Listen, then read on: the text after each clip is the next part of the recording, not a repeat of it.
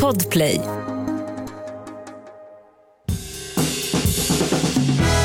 Och god mat, det kan ju vem som helst laga, bara man har bra ingredienser. Och så smör förstås. Hej! Vi höll ju på att somna här så att vi har dragit lite rave-musik Det är, precis ju, innan. det är ju rakt av anarki i studion. Vi sitter också på, vi har bytt plats med Ja. varandra. Är Så riktigt stökigt idag. nu är Jessica som är i soffan och jag är i fåtöljen och vi har lyssnat på boiler room musik. Så att Och du försov dig i morse jag försov mig i morse. och jag glömde bort vad jag skulle göra idag. Att så att jag var så här, nej, men typ att jag var så här, vad skönt att jag har en lugn dag, tar en lång promenad och sen missade jag mitt första möte. Fick det Ja. här smset, var är du? När man känner den kalla kåren Mm. genom hela kroppen. Det är inte likt mig kan jag säga. Och sen slutade det med att vi båda tog eh, varsin taxi till kontoret för Ja. att hinna i någon sorts tid i alla fall. Jättebra i detta ekonomiska läge. Och Ja. miljökris. Men absolut, vi är här nu Vi är här nu, vi är redo. för att hjälpa er med julen. Ja, För att jag har ju nu märkt att ni är många som inte vågar ringa till vår telefonsvarare. mm. 08 12 15 33 50. Vi blir väldigt glada när ni gör det för det är ju så mysigt att höra er röst och spela upp den här. Men eftersom ni inte gör det så har jag slängt ut istället en frågelåda på Instagram eh, där ni fick skicka in era frågor. ja. Och då rasslade det till. Så att jag tror, till. tror att det här, det är mycket telefonskräck där ute. Mm. Eh, men vi fick en fråga som lyder så här. Från en, gissar av hennes Instagramnamn att hon heter Lotta. Hej Jessica, tack för frågan. Jag är numera vegan efter att ha ätit kött i många år. PGA min hälsa. Jag har ingen aning om vad man kan äta för gott till jul. Jag gillar inte tofu, temp, korn eller liknande sojaprodukter. Oh, svårflörtad. Önskar riktigt grön och god mat. Tre gröna hjärtan. Ehm, Kul. Mm. Kul med ny vegan. Det är ju en spännande Ja, tid i livet. ja, just det. Du har ju varit vegan. Ja, fem år. Men vad fick dig att lämna det? Jag var ju vegan från att jag var 15 till att jag var 20. Och då... Mm. Det var väldigt, väldigt bra och jag älskade det på alla Var det mycket någon annan som lagade mat till dig under de här åren? Och sen när du skulle börja laga mat Nej. själv? Nej så, var det faktiskt, nej, så var det nog inte. Alltså, det var jag som var liksom drivande i veganfrågan hemma. Så jag lagade liksom till mamma och så fick hon gott äta veganskt ändå. ja. Ehm, så det var nog inte det, men jag började jobba som turistguide i Stockholm. Mm. Eh, och då var det så många gulliga amerikaner som ville ge mig chokladpresenter och så här, såna saker när vi var ute på olika kaféer. och Någon måste äta dem. No. Men och då kände jag här, nu börjar jag typ missa upplevelser för att jag har den här begränsningen på mig. Liksom. Så det började med så, och nu åt jag en pralin som innehöll mjölk. Typ, för Ja. jag hade, var ju helt, liksom, Mm. helt vegansk. Ehm, och sen flyttade jag till London och då var det också så här, du vet, det var någon, det var någon utekväll när man ville ha fish and chips typ. Ja. Men alltså äter fortfarande extremt bara mycket grönt. Mm. Ehm, men så övergången var väldigt gradvis tror jag. Och, ja, det är svårt liksom när man, alltså som jag som är glutenintolerant, Mm. alltså not by choice. Jag skulle ju aldrig lägga till en frivillig nej. begränsning. För precis som du säger, att så här, man missar ju upplevelser och typ Mm. missar gemenskap. Mm. Men sen förstår jag som hon som skickar in att man kan göra det liksom av hälsoskäl eller av andra skäl som Ja. gör att man känner sig motiverad och vill göra det. Och det finns ju såklart svin mycket god mat Ja. ändå. Och det ska också sägas att så här, då när jag blev vegan 2015 så Mm. fanns det ju typ det var typ omöjligt att gå ut på restaurang, Ja. liksom på en vanlig restaurang och känna att nu kommer jag typ bli mätt. Mm. Då, om man gick Det var en grillad spetskål och inget annat. Ja, men, eller typ så, en sallad och pommes. Alltså Ja, man gick på TGI det är och Fridays. typ min favoritmat. Sallad, pommes och bea. Alltså, Okej, jag ska vara tyst.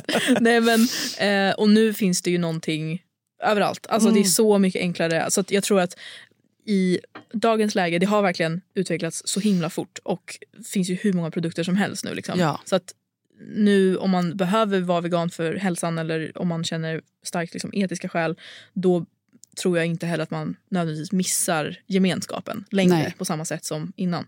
Men ja, det, man ska göra det som känns bra för en. Och så Ja, och då tänker jag så här, eh, julbords-wise.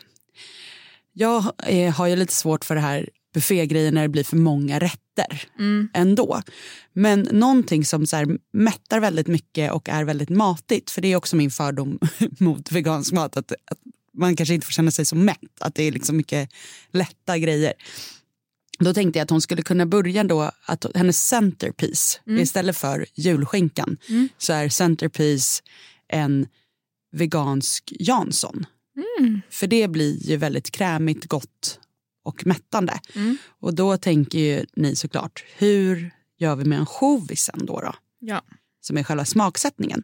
Och då har lilla jag experimenterat fram ett recept på en aubergine ansjovis.